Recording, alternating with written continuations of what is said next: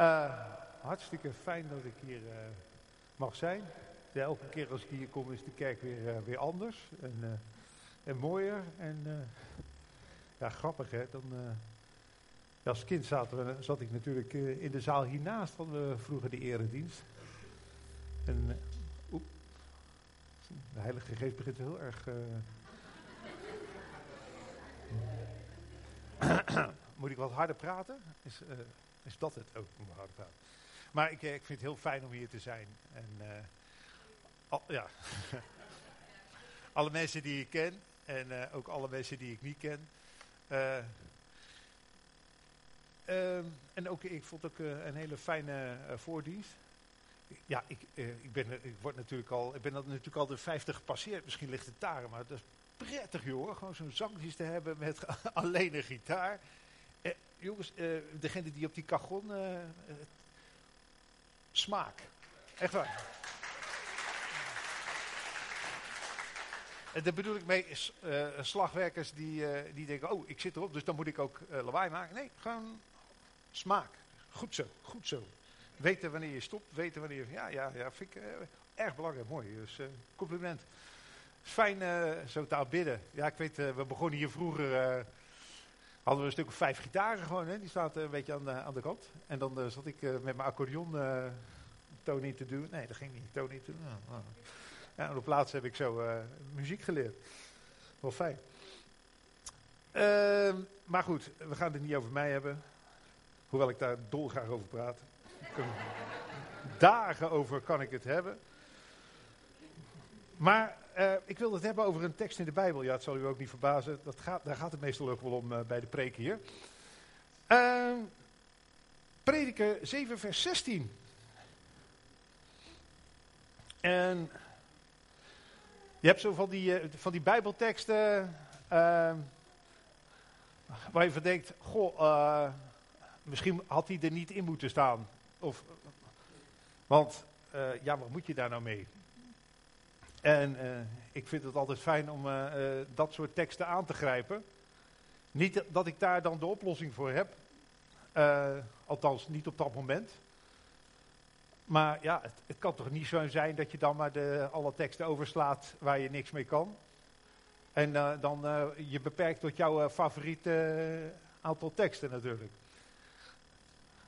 Ik zeg ook niet dat je zeg ook niet dat je gewoon eh, elke tekst, eh, als je iets niet snapt, dat je er net zo lang moet doorbeuken tot je het wel snapt. Want dan, uh, ik, heb er nog wel een, ik heb er nog wel een paar in de Bijbel zitten waar ik denk van, oké, waarom stond dat erin? Maar laten we deze eens, laten we deze eens aanvatten. Prediker 7 vers 16. Wees niet al te rechtvaardig, nog houdt u zelf al te wijs. Waarom zoudt gij verwoesting over u brengen? Tot zover. Uh, ik denk dat er uh, heel wat mensen hier in deze zaal denken, nou, dat is een goede bemoediging voor als ik mijn belastingpapieren ga invullen. Of uh, dat is een goede bemoediging als dat stoplicht net op rood staat en ik heb toch verdraaid haast. en de vraag is natuurlijk, is dat de bedoeling van de tekst? Maar er staat natuurlijk, het is niet zomaar, uh, een, een, er staat niet bij van, nou, uh, niet, niet, te rechtvaardig, alles te is, is, is te, hè. dat is te veel, dat moet je niet zo klaar. Nee, er staat, wees niet al te rechtvaardig, houd uzelf niet al te wijs. Of, uh, waarom zoudt gij verwoesting over u brengen? Nou, heeft ook nog eens consequenties. Verwoesting. Ik heb andere vertalingen er eens op nagezocht van, jeetje, is het echt zo erg? Nou, in de MBG is, het, is hij iets milder. Dan zegt hij, wees niet al te zeer rechtvaardig en gedraag u niet al te wijs. Waarom zou gij uzelf tot verbijstering brengen? Uh, ja. Nou, ik, uh, ik heb veel andere vertalingen erop nagelezen. Kijken wie dan de meerderheid heeft. Hè, welke, maar ja, uh, de meesten die zeggen, ja, waarom zou je jezelf te gronden richten? Waarom zou je jezelf vernielen? Nou ja, dan ga je natuurlijk uh, bij dat soort vragen ga je altijd weer terug naar het Hebreeuws. En uh, daar hebben we het uh, werkwoord uh, tissomem. Ik ben geen klassicus en laat staan een, een, expert in Hebreeuws. Maar ik laat me door Strong's Dictionary Concordance laat ik me even leiden. En die zegt ja, dat betekent toch wel echt jezelf, jezelf verwoesten. En jezelf tot verbijstering, tot zwijgen brengen. Ja, alles bij elkaar is dat toch nog vrij ernstig. Het is niet zo van, uh, oeh, oeps. Hè? Nee, uh, het kan je gewoon te gronden richten. Hoe plastisch je het ook wil voorstellen, of hoe theoretisch je het ook wil voorstellen. Ja, de balans, zou dat dan toch zijn dat nou de balans dat al te rechtvaardig niet zo goed voor je is? Maar wat moeten we daar nou mee? We zitten hier, voor, hier in de kerk omdat wij een probleem hebben met rechtvaardigheid. En dat wij een rechtvaardig God dienen. En wij weten ook dat die rechtvaardige God uh, echt 100% rechtvaardig is. Of denken jullie dat God een beetje rechtvaardig is? Niemand durft zijn hand op te steken. Nee, ik ook niet. Dus God is helemaal rechtvaardig. Wat moeten we met zo'n tekst? Ja, eigenlijk staat er ook, uh, er zijn ook verschillende uh, schrijvers uh, die zich loslaten over die, die Bijbeltekst. En dan staat er, ja, het Bijbelboek Prediker staat bekend om zijn ironie. Deze ironie is ontstaan vanuit een bepaalde levenservaring. De heer Schuurman van de hervormde gemeente, is dit, is dit ironie? Zou dat het gewoon zijn van, nou ja, hè?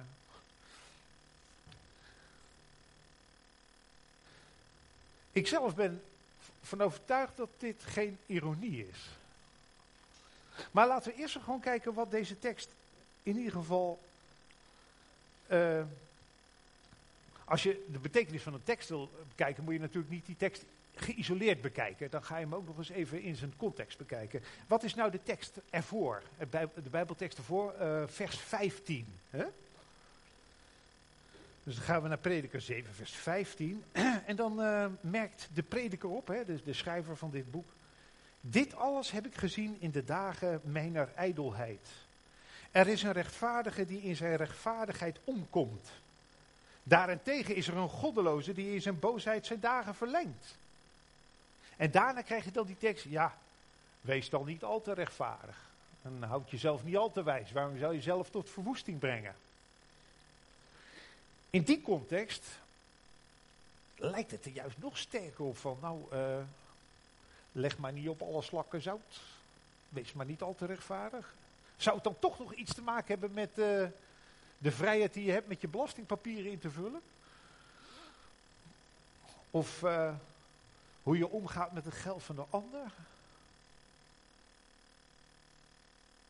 Want, ja, prediker, ik heb gezien dat er een rechtvaardige in zijn rechtvaardigheid omkomt. En een goddeloze die in zijn boosheid lekker lang en gelukkig leeft, om maar in onze taal te zeggen. Dus. Laten we vers 15 even bekijken.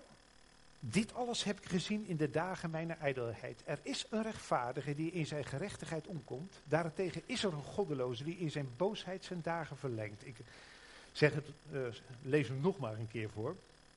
Zullen we even kijken wat er niet staat? Er staat niet. Miljoenen mensen die. Uh, er komen rechtvaardige mensen bij de miljoenen om hè, of bij de miljarden om en miljoenen, miljarden uh, onrechtvaardige mensen leven lang en gelukkig. Dat staat er dan weer niet. Hè? Het, is geen, uh, het is geen hoofdregel. Want er staat, ik heb één gezien. En, hè, die, uh, een rechtvaardige die zijn rechtvaardigheid omkomt. En ik heb één onrechtvaardige gezien. Nou denk ik niet dat hij er eentje bedoelt. Zouden er best wel eens meer kunnen zijn. Maar één ding is duidelijk, het is geen hoofdregel. De hoofdregel dat rechtvaardig leven goed is voor je gezondheid en een lang leven, dat blijft staan. Alleen ziet hij daar de uitzonderingen. Dat is even belangrijk. Dat, is één punt wat we moeten onthouden. Het tweede, er staat ook niet, ik heb een rechtvaardige die in zijn rechtvaardigheid naar de hel ging. En een onrechtvaardige die in zijn boosheid naar de hemel ging. Dat, dat staat er ook niet, hè? Wat staat er nog meer niet? Er staat, of eh, wat staat er? Er staat dat een rechtvaardige in zijn gerechtigheid ten onder ging. En een onrechtvaardige in zijn boosheid een langer leven had.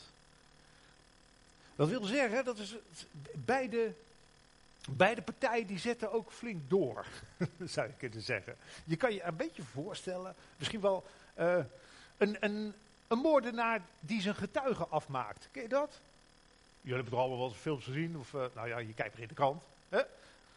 Een moordenaar die is bezig met een, uh, een misdaad. Het hoeft niet eens een moordenaar te zijn, maar iemand die een bank overvalt. Of, en hij wordt betrapt. Maar ja, hij heeft een geweer. En hij zegt tegen die, degene die betrapt heeft, jij houdt je mond, anders, anders gebeurt er wat met je. Maar ja, degene die hem betrapt heeft, die, die houdt niet van liegen en zegt ik hou mijn mond niet. Baf. Nou, dan heb je hier een schoolvoorbeeld van de onrechtvaardige, die komt er uh, mee weg. Of, hè? En de rechtvaardige die sterft.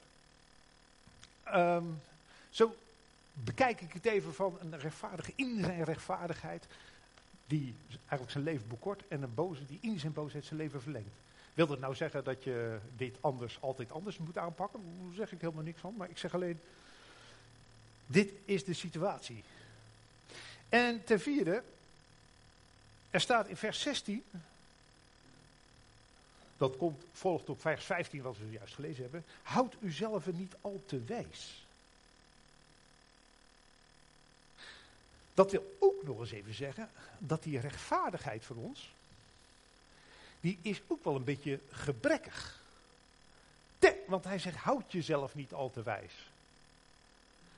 Hij zegt niet, je bent zo wijs, maar je moet een stapje terug doen. Nee, in feite waarschuwt, je, waarschuwt de prediker jou van nou, uh, zo wijs ben je nou ook wel niet.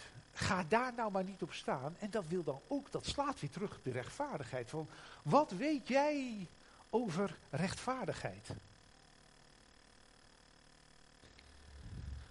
stapje verder. Ik denk, persoonlijk, dat deze tekst van vers 16 gaat over, hè, houd je, wees niet al te rechtvaardig. Waarom zou je, en houd je niet zelf al te wijs, waarom zou je jezelf tot verbijstering brengen? Uh, ik kom de laatste tijd veel in Limburg. Zou je niet zeggen, dan, dat is voor mijn werk. Ik, uh, zit een beetje in het verenigingsleven, althans ik ben juridisch sta uh, verenigingen bij en dat zijn verenigingen van eigenaren. Kennen jullie die? Verenigingen, vast, er zullen allemaal lid, er zullen al een paar mensen hier lid zijn van een vereniging van eigenaren. Ik ga er niet op dieper op in, maar ik kan je wel zeggen, het valt me op. dat, ik, ik, kom natuurlijk overal in het land, maar in Limburg heb je verenigingen, niet te geloven, daar heb je jarenlange fetus van eigenaren. En komen erbij, die komen ook bij mij en ze leggen hun zaak voor en ze hebben gelijk. Dat klopt. Maar ze hebben niet gelijk gekregen.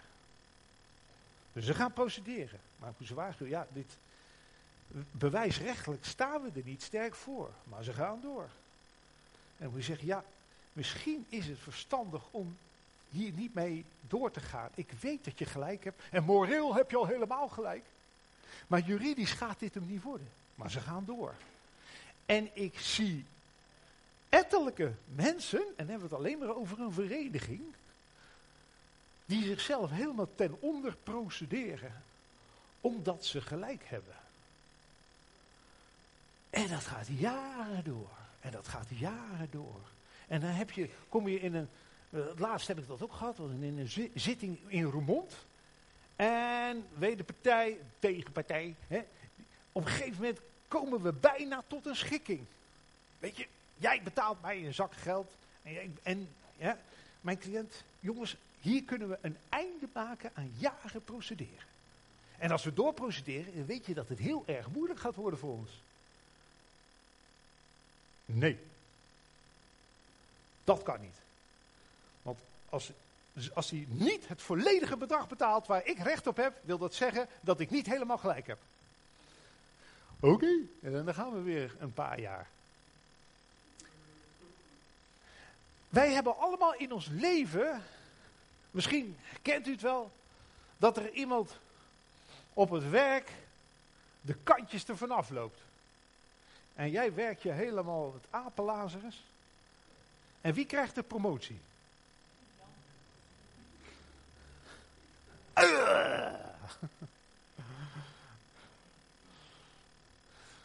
Ik zeg niet dat je daar niet naar moet streven. maar, natuurlijk, het is goed om te streven naar promotie. Maar er gebeuren nu eenmaal in dit leven dingen die onrechtvaardig zijn. En dat zijn vele uitzonderingen op de hoofdregel, want eerlijk duurt het langst, dat weet ik. Maar je hebt ook van die praatjesmakers die de kantjes ervan aflopen en altijd verder komen en lang en gelukkig leven. En je hebt van die mensen die rechtvaardig zijn en ten onder gaan. Ik denk, ik zie sommige mensen erg uh, een soort herkenbaar naar mij kijken. Ja, en dat is het leven. En dat heeft Salomo, die ik dan maar als de auteur van Prediker houd, dat heeft Salomo goed door. En hij zegt, stop daarmee. Stop daarmee.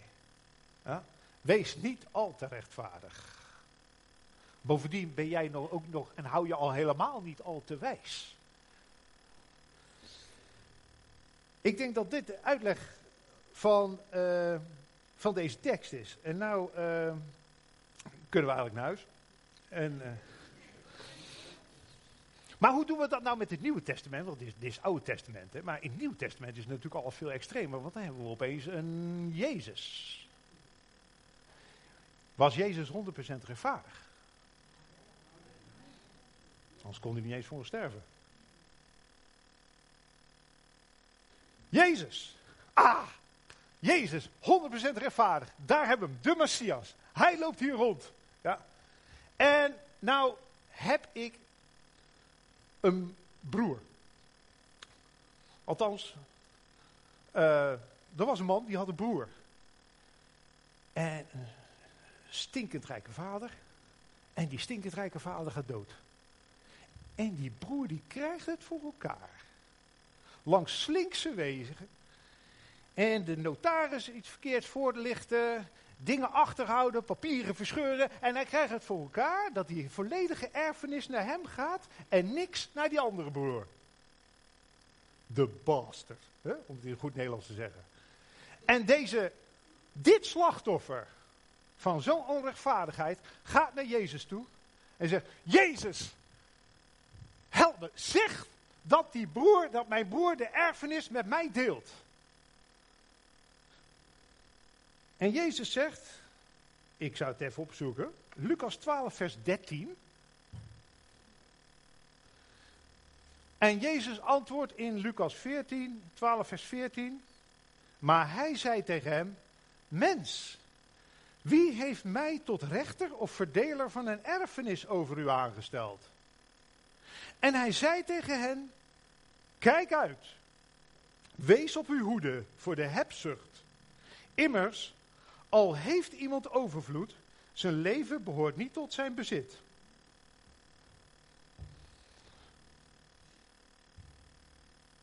Wat moeten we hier nou mee? In plaats dat deze rechtvaardige Jezus zegt, zo, kom jij eens even hier. En dat die broer zegt, nou gaan we het krijgen. Hè? Zegt, ja, hij, hij richt zich tot de broer die er gerechtigheid wil. En hij zegt, joh, uh, mijn taak is niet het verdelen van erfenissen, maar ik geef jou een hele goede raad. Een raad waar je de rest van je leven mee aan kan. Hoed u voor de hebzucht. Ja, ik weet het niet. Mijn vader uh, stel dat hij in Peru uh, of in een van zijn reizen vroeger een pot goud had gevonden van de Imka's. Ja, ja, en dat ik er dan achterkom waarom mijn zus Annelies in Australië toch zo'n prachtig huis heeft. en ik niet. maar, maar ja, ik, ik weet dat er heel veel mensen hier in deze zaal zitten. die een soortgelijk iets wel hebben. Ja, ik heb het niet over verdeling van erfenis. Maar gewoon, je bent gewoon ge, hoe zeggen we dat? Genaaid.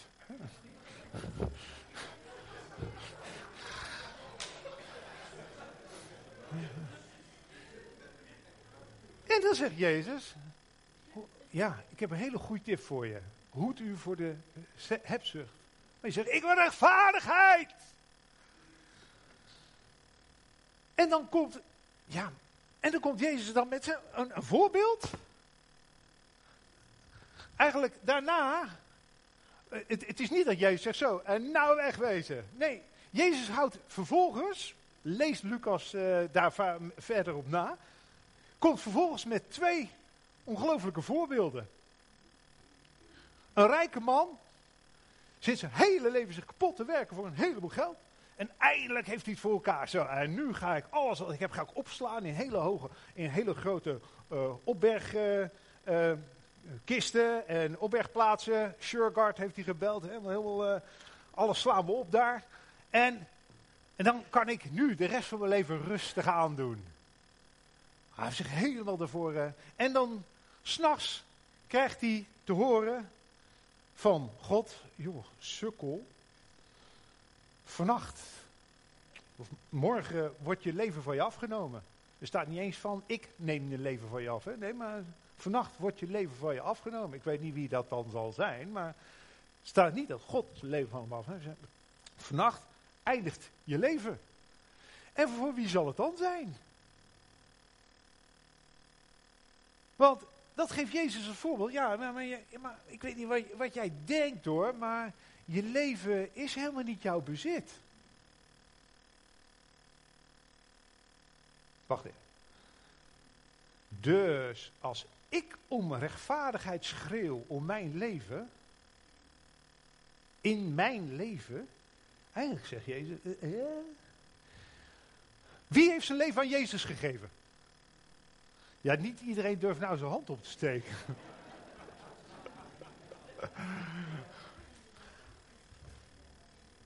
Dan moet je even nagaan.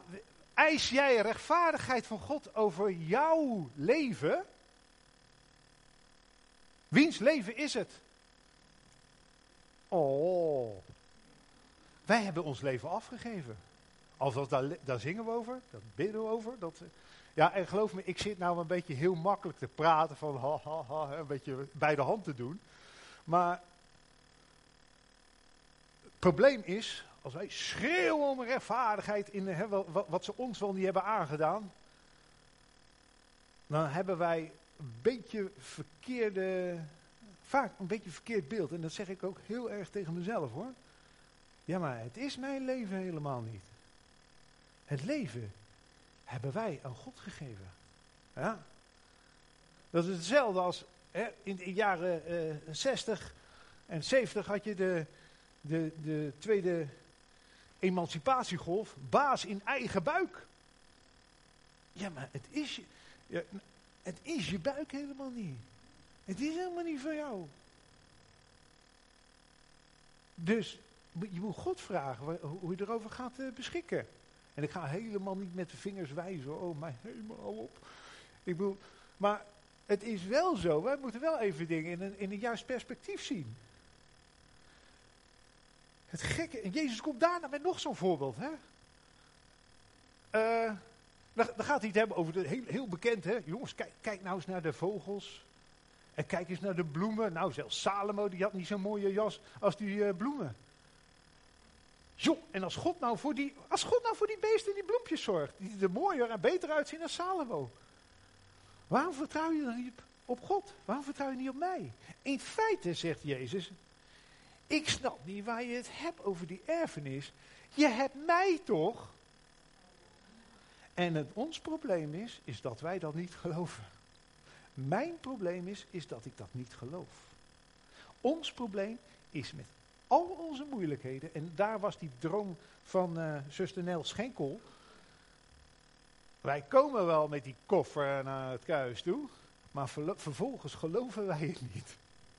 Ja, die van die zonde, dat willen we nog wel geloven. Maar over onze zorg en onze rechtvaardigheid en over die onrechtvaardigheid, dat, dat, uh, ja, dat, dat geloven we eigenlijk niet. Hè? Terwijl Jezus zegt, joh, jij bent toch, ik, wat maak je je zorgen over die erfenis?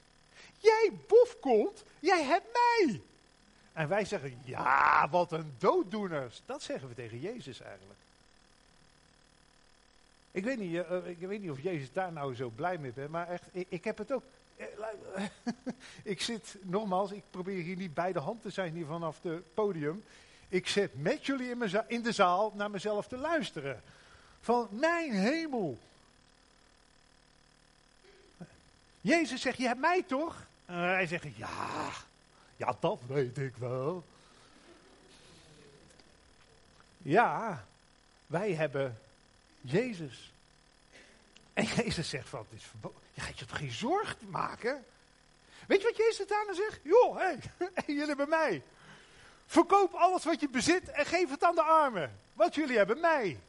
Dan zeg je, wacht eens even, wacht even. Nee, die tekst, dat zei hij tegen de rijke jongeling. Ja, dat zei hij in Matthäus tegen de rijke jongeling.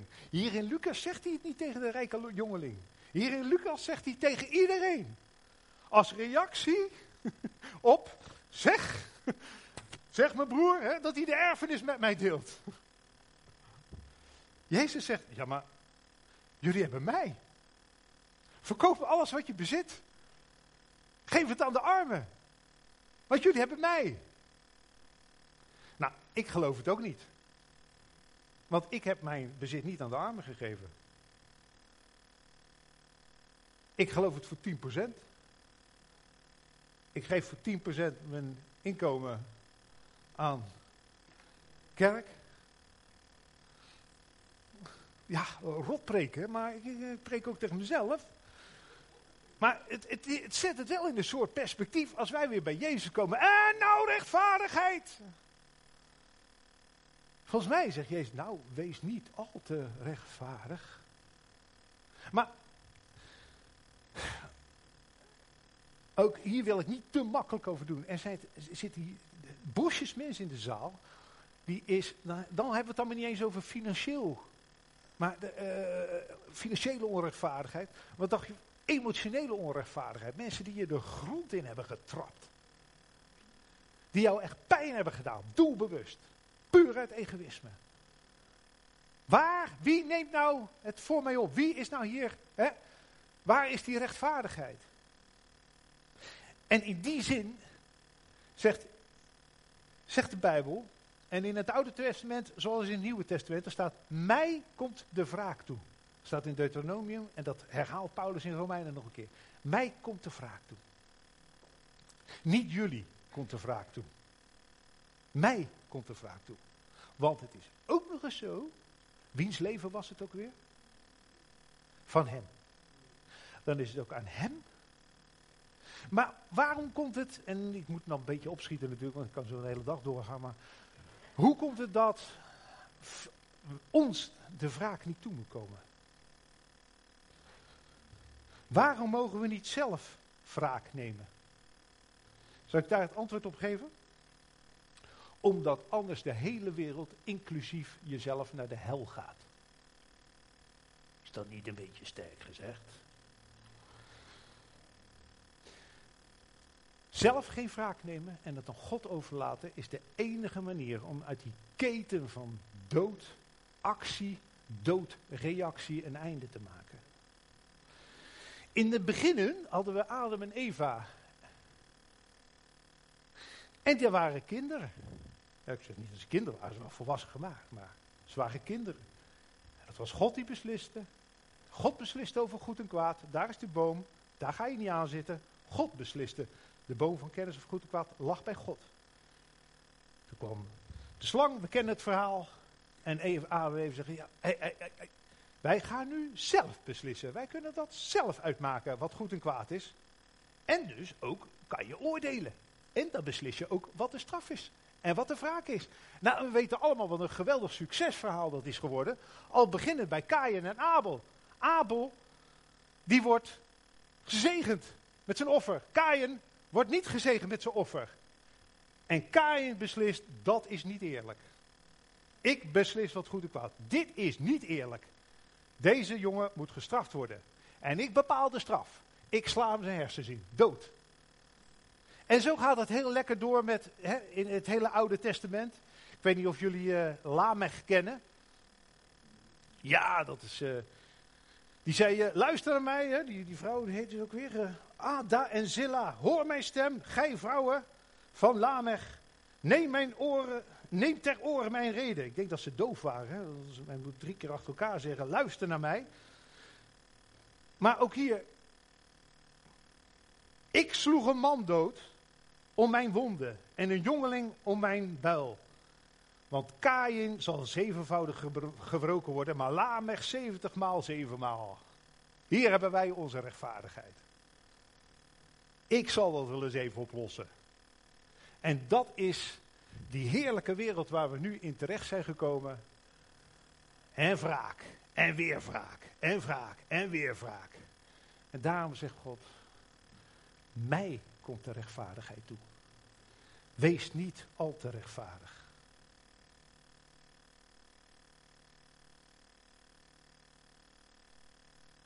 Het is niet ons leven, het is Gods leven. En het is God die bepaalt wat jou toekomt. En Jezus, echt waar, de, de, de boodschap is, jongens, maak je nou niet zo druk. Je hebt mij toch. En ik wil je dat echt meegeven en ik geef me dat zelf heel hard mee. Want uh, het leven is niet rechtvaardig. De hoofdregel is inderdaad, de slechte die krijgen op een kop en de, en de goede, daar gaat het beter mee. Het zijn ontzettende goede regels, maar er zijn heel, heel veel uitzonderingen. Godzijdank, dat zijn uitzonderingen, maar er zijn er wel veel. Maar Jezus zegt, doe het niet. Ik heb jullie vergeven om niet.